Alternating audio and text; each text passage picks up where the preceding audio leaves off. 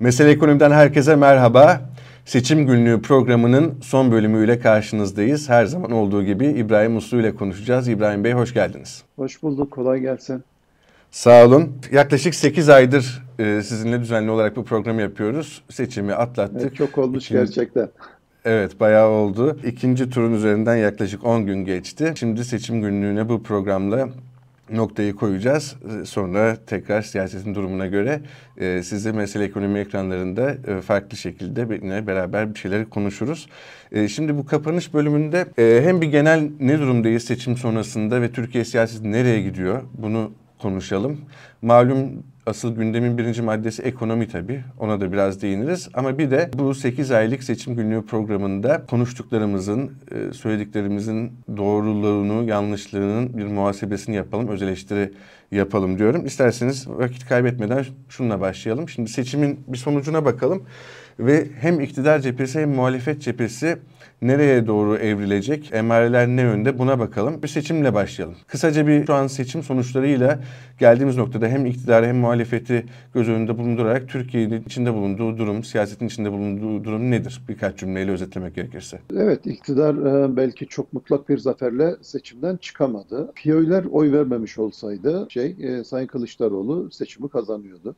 E, yani o birinci seçimdeki 2 milyon 500 bin oyun 2 milyon 250 bini tek ya da iki sandığı bulunan kırsal alandan e, geldi. Yani e, iki şey oradaki fark 2 milyon 250 bin. E, Sayın Erdoğan yüzde 65'in 70 arasında bir oy aldı. Şimdi rakamları tam hatırlamıyorum. E, oranları daha doğrusu. 35 e, civarında Sayın Kılıçdaroğlu aldı. E, dolayısıyla köylerden ve mezralardan alınan oylardan 2 milyon 250 bin fark oluştu. 250 bin oy da yurt dışından gelen oylardan oluştu. Sadece diyelim ki kentler oy verseydi, kentsel alanlar yani kentsel alanlardan kastım ikiden fazla sandığı bulunan o yerler oy veriyor olsaydı ilk turda e, Sayın Kılıçdaroğlu 50 virgül bir şey almıştı. Şimdi dolayısıyla bu önümüzdeki seçimler açısından bu önemli bir risk. Niye? Çünkü belediye seçimlerinde il genel meclisi dışında özellikle belediye başkanlıklarında kırsal alan oy kullanamıyor. Kentsel alan oy kullanacak. Dolayısıyla e, hala iktidarın bir dezavantajı var kentsel alanlarda. İkincisi e, Cumhurbaşkanlığında daha önce tek başına Cumhurbaşkanlığı yarışını kazanabilen bir Erdoğan anca 6-7 partinin desteğiyle bir arada kalabildi. Kendi partinin desteği %35'lere düştü. %35 AK Parti'nin katıldığı ilk seçimde aldığı oy civarında bir oy e, ve ilk seçimden girdiği ilk seçimden sonraki en düşük ikinci oyunu almış oldu. İktidar açısından baktığınızda her şey güllük gülistanlık değil. Oraya da seçmen yani iktidar seçmeni ciddi bir uyarıda bulundu. Bir diğer önemli şey e, bu kullandığı ötekileştirici, milliyetçi, aşırı sağcı e, ve güvenlik kaygılarını harekete geçiren dil iktidarı büyütmüyor. Yani daha doğrusu AK Parti'yi büyütmedi. Milliyetçi partileri büyüttü. İnsanların bu ulusal güvenlik kaygıları arttıkça e, daha AK Parti'ye göre bile daha aşırı sağda olan partilere yöneldiler ve AK Parti 35'e inerken e, çok sayıda milliyetçi parti artık hatta aktör sistemi kontrol hale eder hale geldi. E, bundan bir, herhalde bir yıl önce falan Türk siyasetine milliyetçi vesayet falan diye bir yazı yazmıştım. E, bu şey gidişat belliydi yani milliyetçiliğin artık Türkiye'de iktidarın kimde olacağına karar verecek şey seçmen grubu olacağı ya da ideoloji olacağı çok belliydi. O hale geldi AK Parti %35 ve bu haliyle ne belediyelerde ne milletvekilliklerinde ne cumhurbaşkanlıklarında milliyetçilerle ittifak yapmaksızın e, başarı elde etmesi imkansız. Dolayısıyla AK Parti açısından baktığınızda e, bu seçim ciddi e, riskleri net bir biçimde ortaya koydu. E, muhalefet açısından baktığınızda Muhalefete gelmeden Muhalef... isterseniz şurada duralım. İktidar için bu seçim sonuçlarının çıkardığı bazı kısıtları ve dezavantajları söylediniz. Tabii bunun yanı sıra kuşkusuz uzun zamandır konuştuğumuz bir şey ekonomi faktörü. E, kaldı ki seçim için e, birçok kaynak harcandı. E, deyim yerinde ise e, hükümet kendi enkazını devralmış durumda. E, ve şimdi de tabii ki ekonomi en önemli gündem maddesi. Şimdi kabinede değişiklikler oldu. Mehmet Şimşek uzun zamandır bekleniyordu ekonomi başına geçmesi geçti vesaire. Ama ekonomi uzun süre daha siyaset için en önemli, en belirleyici faktörlerin başında geleceğe benziyor. Sizin saydığınız bu kısıtların üzerinde bir de ekonominin kısıtlarını eklediğimizde iktidar için manevra alanını işte daraltıcı, kısıtlayıcı, zorlaştırıcı bir etki olur mu? Yoksa hem milletvekili seçiminde hem cumhurbaşkanlığı seçiminde başarı elde etmiş iktidar de arkasına bile bakmadan istediği yolda dümdüz ilerleyebilir mi? Bir strateji değişikliği yarattı, yaptı zaten. Ee, şimdi bir önceki kabinesiyle bu kabineyi yan yana koyduğunuzda sanki iki ayrı iktidar, iki ayrı partinin verdiği kararlarmış gibi duruyor. Niye? Şimdi e, AK Parti bu güvenlik kaygılarını ön plana çıkaran ve onun üzerinden oy toplamayı hedefleyen stratejisinin kendisinden çok ortaklarına yaradığını görünce e, bu sefer o en iyi bildiği alana çekilmeye karar verdi. Neydi o? Vatandaş memnuniyetini arttır, oyunu al. Zaten ideolojik olarak büyük ölçüde iletişim kurabildiği için e, oy alması için geriye bir tek faktör kalmıştı. Özellikle iktidar partileri açısından mesela o kadar kompleks değil. E, yani her konuyu bir ideolojik düzlemde tartışmanıza gerek yok. E, çünkü o vatandaşın eğer o ideolojik olarak uzlaşıyorsanız geriye oyunu alabilmeniz için yapmanız gereken tek şey vatandaş memnuniyeti yaratmak. AK Parti bunu yarattığında mesela 2002-2007 2007-2011 yıllar arasında e, vatandaş memnuniyetini yarattığı için oy oranlarını da arttırdı. Durumlarda insanlar oy vermekten vazgeçebildiler. Ne zaman mesela 2009 yerel seçimlerinde ekonomik kriz nedeniyle oy kaybetti ya da 2019 yerel seçimlerinde ve orada da yine e, bu Rahip Brunson krizi nedeniyle başlayan 8-9 ay sürmüş yerel seçim öncesinde bir ekonomik kriz vardı. Orada oy kaybetti. Bu seçimde de yine oy kaybetti aslında. Baktığınızda e, şeyden bu güvenlikçi dili kullanmaya başladığı 1 Kasım seçimlerinden bu tarafa düzenli olarak oy kaybetmiş ve o şeyden 2015'ten 2023'e gelindiğinde 8 yılda 50'den 35'e inmiş. Şimdi bu önemli bir sinyal. O yüzden de döndü vatandaş memnuniyetini arttırmaya yönelik bir kabine yaptı. Yani kabineye baktığınızda ideolojik e, tarafı hiç olmayan insanlardan oluşuyor. E, herkes işine odaklanacak belli ki ve herkes kendi kullarında vatandaş memnuniyeti yaratmaya çalışacak. Bir taraftan da sert siyasi tartışmalar yaşansın istemiyor. Mesela o yüzden Süleyman Soylu gibi bir figürü kullanmadı. Ee, meclis başkanlığında yine muhtedil olabilecek AK Parti içerisindeki en muhtedil insanı meclis başkanlığına getirdi. Ee, meclis grup başkan vekilleri hakeza e, daha şey muhtedil insanlardan oluşuyor. Ee, benim gördüğüm AK Parti e, bu sefer e, gerilimci dilini kullanmayı, çatışmacı dilini kullanmayı ve sert siyasi tartışmalar üzerine söz etmeyi düşünmüyor. Ekonomiyi çok kısa sürede düzeltmek gibi bir kaygısı olduğunu ben düşünmüyorum işin doğrusu. Orada ekonomiyi yüzdürmeye çalışacak. Ee, Mehmet Şimşek'in verdiği sinyallere falan baktığınızda da dün işte kısa vadede çözüm olmasa bile bir işte yani gemiyi yüzdüreceğiz dedi açıkça dün pay, yaptığı paylaşımın. Ben o, o şekilde okudum yani gemiyi yüzdürmek için şu an hazırlıklarımızı yapıyoruz. Mürettebatı toplayınca e, gemiyi yüzdüreceğiz.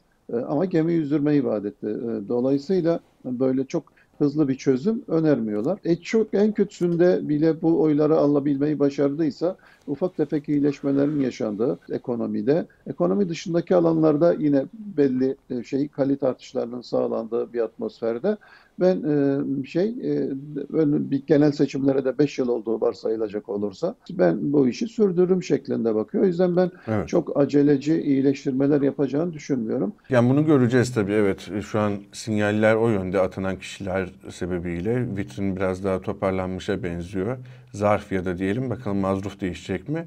E, bunu zaman içerisinde göreceğiz.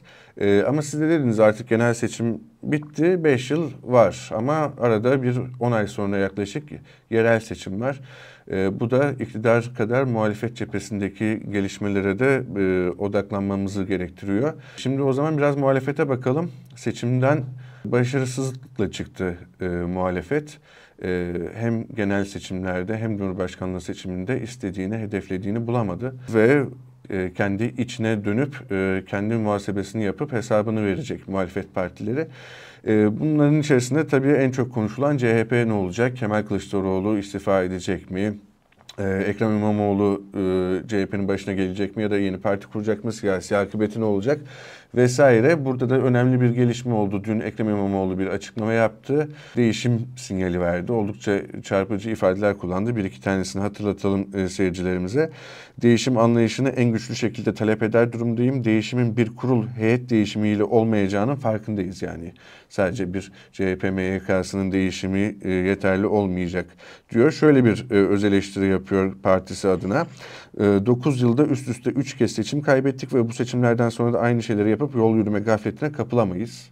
İdeallerim uğruna görev almaktan çekinmem, çekinmedim. Aynı yolda yürüyeceğim, süreci takip ediyorum diyerek de e, geri çekilmeyeceğini, aktif bir şekilde siyasette belki de daha önemli bir pozisyonda yer alacağının sinyallerini verdi. Siz bunları nasıl okuyorsunuz? Ekrem İmamoğlu'nun e, açıklaması da ışığında CHP'de nasıl bir dönüşüm olacak? Tabii bunun yanı sıra İyi Parti e, ve HDP, Yeşil Sol Parti cephesini de konuşmamız lazım. Buyurun.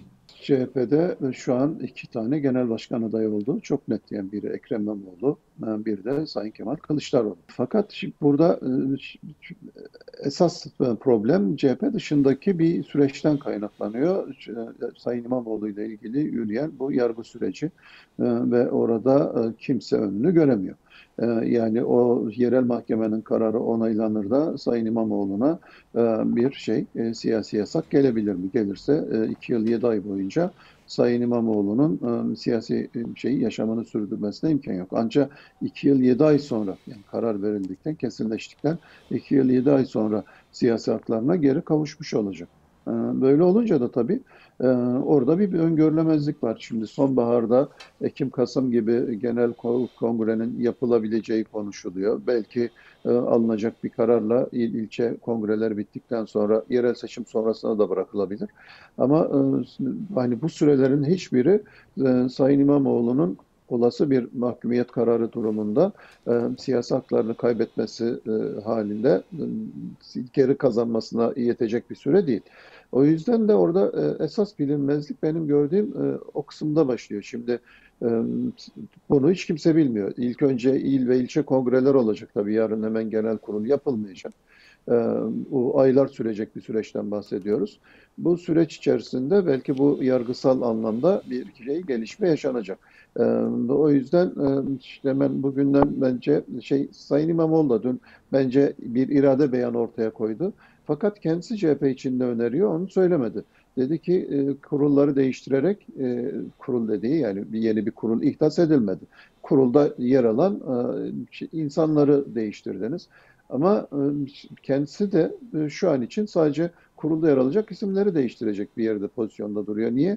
Çünkü dün bir şey açıklamadı yani ne bileyim daha önce Tony Blair'ın yaptığı gibi bir üçüncü yol e, öğretisi hı hı. ya da Siriza'nın ya da Podemos'un daha önce yaptığı gibi bir yeni sosyal demokrat yaklaşım, sol yaklaşım falan ortaya koymadı. Şimdi bunu ortaya koymadığınız sürece e, sadece ben senden daha iyi performans gösteririm. Sadece vatandaş seni benden daha çok ya da beni senden daha çok seviyor dediğinde e, yani o kendi dün eleştirdiği şey yapmış olacak. O yüzden e, önümüzdeki süreçte iki şey yaşanacak. Bir kongreler yaşanacak. O kongrelerde kim daha çok e, şey il, ilçe kongrelerini kazanacak o genel kongre hakkında bize şey fikir verecek. Birincisi o. İkincisi bu süreç içerisinde kim yeni bir yaklaşımla, yeni bir sosyal demokrasi ya da yeni bir muhalefet şeyiyle, doktriniyle ortaya çıkabilecek. Ona da bakacağız. Evet yani dün Sayın İmamoğlu'nun söylediği şey doğruydu. İsimleri değiştirerek değişimi yapamıyorsunuz. Her şey aynı, kurum aynı, felsefe aynı, yaklaşım aynı. İşte yani İbrahim gidiyor, Ahmet geliyor, Hasan gidiyor, Ayşe geliyor falan. Ama iş yapma biçimi ve seçmenin sizi algılama biçimi aynı kalıyor. O yüzden de evet. bence süreç daha yeni başladı. Çok Köklü bir değişim olması gerektiğini söyledi lazım. zaten. Genel evet. olarak şeyin de seçmenin de arzusu işte, ve ihtiyacı da bu yönde. Evet, ama bunu şimdi e, hani e, hemen e, yarın bir yeni bir sosyal demokrat yaklaşım geliştirsin falan dediğinizde bu o kadar kolay olmuyor. Şimdi dünyada da sosyal demokrasinin yaşadığı bir kriz var. 1980'lerden bu tarafa sosyal demokrasi düzenli olarak oy kaybediyor ve iktidardan uzaklaşıyor. Yani dolayısıyla hani dünyaya da baktığınızda sosyal demokrasinin ve özgürlükçü hareketlerin e, henüz e, yükselme e, şey trendine girmediklerini görüyoruz. Türkiye bu anlamda bir e, şey o makus talihi kırabilir mi diye beklendi. Evet çok e, şey e, ciddi bir rekabet oldu. Yüzde 48'e kadar çıkmayı başardı. Ama zaten yüzde 48'deydi öte yandan da baktığınızda. 2017'den bu tarafa muhalefet yüzde 40 hatta 2014'ten bu tarafa 2014'teki ilk Cumhurbaşkanlığı seçiminden bu tarafa muhalefet yüzde 48'de direniyor. Orada direnen bir seçmen var. İktidar cenahı da bir şekilde bütün atraksiyonlarına rağmen o %51, %52 şeyini e, tavanını kıramıyor. İşte %52 buçuk tavanı var evet. adeta. O tavanı geçemedi şimdiye kadar. Böyle Ama bir olduğu şey, yerde kalması yeterli oldu zaten. Kırmasına evet, gerek yok. olduğu yerde kalması yeterli oluyor. Her seferinde e, muhalefet tarafından yeni partiler transfer ederek o pozisyonluk koruyor. Biliyorsunuz Yeniden Tabii. Refah falan gibi 3 puanlık bir şeyi e, tarafı e, son dakikada transfer etti. Ee, ve evet. o 3 puan e, bir anda bütün dengeleri değiştirdi. Aslında benim gördüğüm seçimin kilit partisi yeniden Refah Partisi oldu. Yeniden Refah Partisi kendi adayını çıkarmış olsaydı e, şey belki e, yani şey Sayın Erdoğan açısından işler çok farklı gerçekleşebilirdi. Ama evet, ikinci onu da etkilemeyecek şey, sonuçta ikinci tura. Evet ilk ama ikinci turda şey yeniden refah bu şeyde seviyede gidip oy verecek miydi o da bilinmezdi. Ee, Doğru. desteklemeyebilirlerdi, muhalefet edebilirlerdi. Ee, tıpkı Saadet Partisi'nin ettiği gibi muhalefet edilebilirdi. Ya da ne bileyim Saadet'le yeniden refah birleşebilirdi vesaire vesaire. Yani çok başka evet, peki, senaryolar hemen olabilir. Şuna geçelim o zaman. Bu zaten artık o raya doğru girdik konuşmamız. Kapatmadan önce şimdi bütün bu saydığınız faktörlerin yanı sıra bu seçim günlüğü programındaki bazı öngörülerimiz tutmadı. Neden tutmadı? Anketler tabii yanıldı. Anketler neden yanıldı? Bizim öngörülerimiz neden tutmadı? Ee, onu sormak istiyorum. İki tane örneğim var. Şimdi Ekim-Kasım aylarında yaptığımız iki tane programda yaptığımız programın başlıklarını şu şekilde atmışız. Bir tanesi ortak aday çıkarsa muhalefet kazanır. Ortak aday çıkacak mı çıkmayacak mı tartışmaların olduğu bir dönemde ortak aday çıkarsa çünkü o zaman da bütün anketler e, bir şekilde muhalefet bloğunun ortak aday çıkarması halinde Erdoğan'ı e, geçebileceğini gösteriyordu. İkincisi de şu, bu da Ekim ayında yaptığımız bir yayının başlığı. Panik yok, Erdoğan'ı seçim ekonomisi de kimlik siyaseti de kurtarmaz. Ama geldiğimiz noktada Erdoğan'ı sanıyorum ki seçim ekonomisi de kimlik siyaseti kurtarmış oldu. Ortak aday çıkardı muhalefet ama o da yetmedi. Bu öngörülerde neden yanıldık İbrahim Bey anketler neden yanıldı? Gelelim kısa bir öz eleştiriye. Şimdi burada bir faktör daha var. Sadece iktidarın yaptıklarına bakarak ya da yapacaklarına bakarak oradan tahmin yürüttüğünüzde e, şey başka bir şey ortaya çıkıyor. Evet doğruydu. Şimdi e, Temmuz e, başında hem bizim yaptığımız çalışmalarda hem de ama biz mesela şeyin bu krizden sonraki süreçte yaptığımız yorumlarda yarışın ikinci tura kalacağını, ilk turda bitmeyeceğini öngördük. Ben bunu defalarca evet. söyledim. Tabii, Muhtemelen tabii. bu programda da söylemişizdir. İlk turda bitmeyecek dedik. İkinci turda e, iktidarın avantajlı olacağını, e, özellikle parlamentoda da e, şey önde olan taraf olarak ikinci turda e, şeyin e, iktidarın daha avantajlı olacağını falan da yine ben katıldığım bir sürü programda söyledim. Burada söyledim mi hatırlamıyorum. Geri dönüp Tabii. izlemedim. E, şimdi bir noktadan sonra bu tablo değişti. Şimdi şey mazeret için söylemiyorum. Elimdeki veriler, çıplak veriler söylüyorum. Başka hatta mesela Genar'ın diyelim ki iktidara çok yakın İhsan Aktaş'ın başında olduğu Genar'ın verileri de bu verileri destekliyordu. Yani katıldığım birkaç programda evet bu konuda İbrahim Bey ile uzlaşıyoruz falan demişti. Temmuz ayındaki tabloya baktığınızda Erdoğan oy veririm diyenler 35, vermem diyenler de, diyenler 65. O yüzden de e, muhalefetin burada yapması gereken tek şey bu avantajı kullanıp ortak adayla yarışa gitmesiydi. Ortak adayla yarışa gitmek, yarışa katılmak en doğru stratejiydi. Fakat muhalefet arka arkaya bazı hatalar yaptı. Şimdi o hataları görmek lazım. Bu 65'e 35 dengesi ortaya çıktıktan sonra e, iktidar politikalarını gözden geçirdi ve e, o yoğun seçim ekonomisi uygulamalarına başladı. Bu arada muhalefet tarafı ne yaptı? Muhalefet tarafı kendi iç tartışmalarına başladı. Yani işte ben noter değilim, kazanamayacak aday, e, benim CHP'ye borcum yok, benden diyet istiyorlar, gerekirse kolumu keserim falan şeklinde İyi Parti tarafından gelen açıklamalar. Öte yandan CHP tarafından Kılıçdaroğlu'nun adaylığı onaylanmazsa masayı dağıtırız falan şeklindeki sert çıkışlar vesaireler. Bunlar masaya duyulan güveni sarstı. Masaya güven duyulmamasına neden oldu. Evet insanlar bir taraftan Sayın Erdoğan'ı başarılı bulmuyorlar. Oy vermeyi şey e, gönüllü biçimde oy vermiyorlardı ama muhalefetinde başarılı olacağına ya da bu işi çözebileceğine inanmıyorlardı. Şimdi bir taraftan size karşı bir tereddüt var. Bu modelin başarılı olup olamayacağına henüz seçmen ikna olmamış. Bunu sinyali net biçimde görüyorsunuz.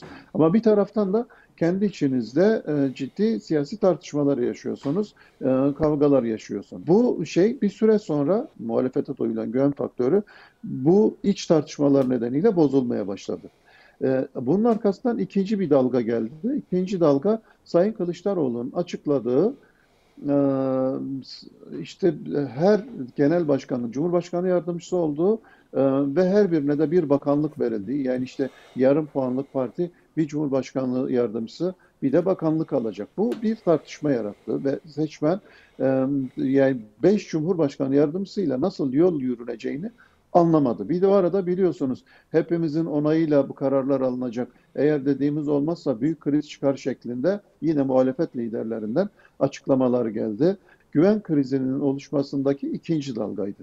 Arkasından üçüncü dalga geldi. Üçüncü dalga ne? Masanın dağılmasıydı ve çok sert bir e, şeyle, üslupla masa dağıldı. İnsanların orada güveni iyice sarsıldı ve, ve şey, e, Sayın Erdoğan yarışı masanın dağıldığı gün kazandı mu, muhalefet masayı dağıttı. Dediğim gibi orada çok sert tepkiler geldi. İyi Parti e, işte 12'li 13'lerden yüzde 7'lere kadar düştü araştırmalarda. CHP oy kaybetti. Muhalefet şeydeki e, ittifaktaki diğer partiler oy kaybetti.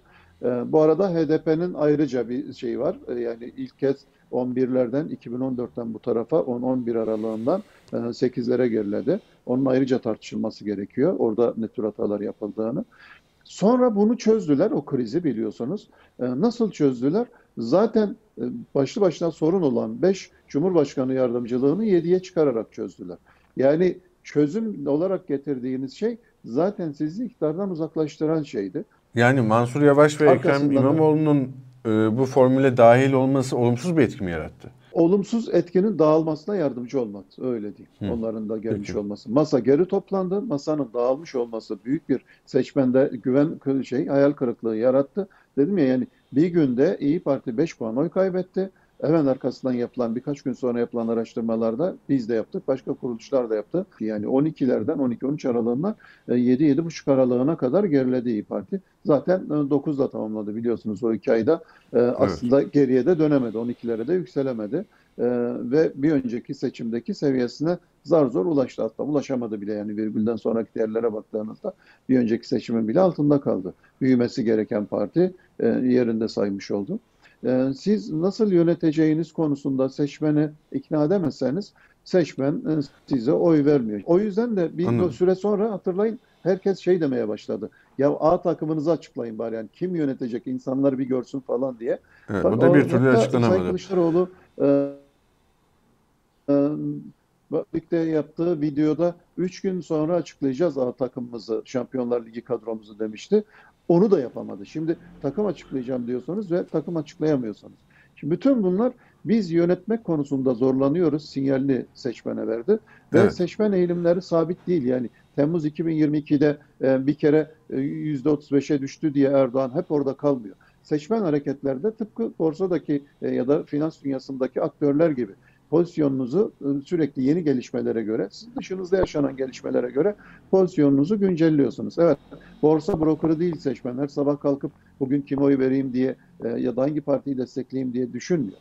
Ama majör gelişmeler yaşandıkça seçmen de pozisyonunu gözden geçiyor. Şimdi bu 11 peki, puan peki şunu... başarısız bulduğu insana niye oy verdi? Muhalefetin bunun üzerinde biraz kafa yorması lazım. Evet, muhalefetin kafa yorması gereken çok şey var. Kuşkusuz süreci de çok kötü yönetti.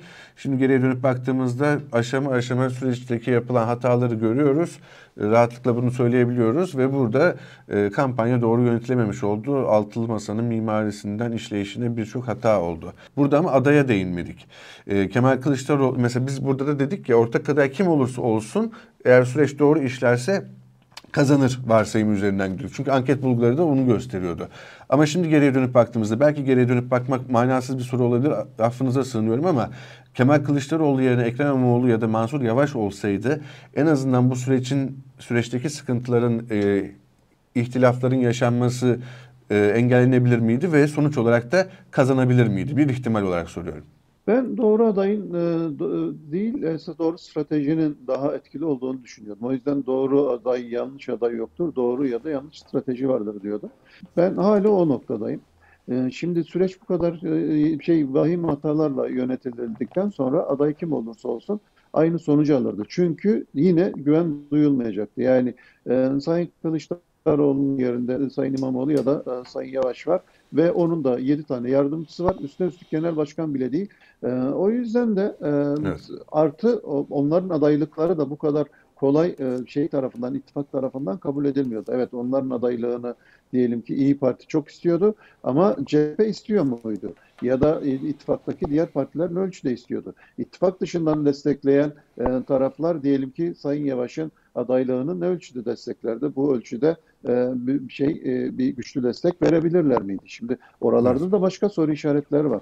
O yüzden e, burada şey adaydan çok bence strateji de önemliydi. Son olarak adaylıkla ilgili üç tane senaryo var önümüzde diyordum ben. Bir tek ve ortak aday bir aday üzerinde gerçekten uzlaşılacak ve bunun arkasında durulacak güçlü bir biçimde. Bu durumda tek ve ortak adayın kazanma senaryosu en güçlü senaryo. İkincisi Kerhen tek aday. Kerhen tek aday işte bu aslında şu anki Kerhen tek adaydı. İyi Parti istemedi, istemeye istemeye onay verdi seçmenden gelen tepki nedeniyle. Kerhen tek aday durumunda seçmenlerin bir kısmı e, bu durumda e, şey e, sandığa gitmeyebilir ya da olumsuz tepki verebilir demiştik. Bu yaşandı. Üçüncüsü e, çoklu aday. Çoklu aday durumunda da yine iktidar avantajlı diyorduk. Şimdi muhalefet tek ve ortak aday çıkarmadı. Bizim o e, bahsettiğiniz aylarda söylediğimiz şey tek ve ortak adaydı. Kerhen tek aday formülüyle gidildi. Tek bir ortak aday formülüyle gidilmedi. Temel sorun bu. Siz Kerhen tek evet. adayla gittiğinizde aslında tek adayla gitmiş olmuyorsunuz. Siz adayınızı kendiniz hırpalamış oluyorsunuz. Çünkü ona e, sana Kerhen katlanıyorum mesajını daha ilk günden veriyorsunuz. Öyle olunca da işte seçmenin seçmeni de taşıyamamış e, oldu. Size, evet seçme şey taşıyamamış oluyorsun. Evet. Çok teşekkürler İbrahim Bey. Sağ olun değerlendirmeleriniz için. Epey uzun bir yayın oldu. Burada artık noktayı koyalım. Çok teşekkür ediyoruz. 8 aydır e, değerlendirmeleriniz hem size, için hem çok sağ olun. Hem izleyicilere hem stüdyodaki diğer teknik arkadaşlara ilk fırsatta tekrar görüşmek dileğiyle. Görüşmek üzere. Ee, seçim günlüğünden şimdilik bu kadar. Bizi izlediğiniz için çok teşekkür ederiz. Sürçülisan ettiysek affola. Görüşmek üzere.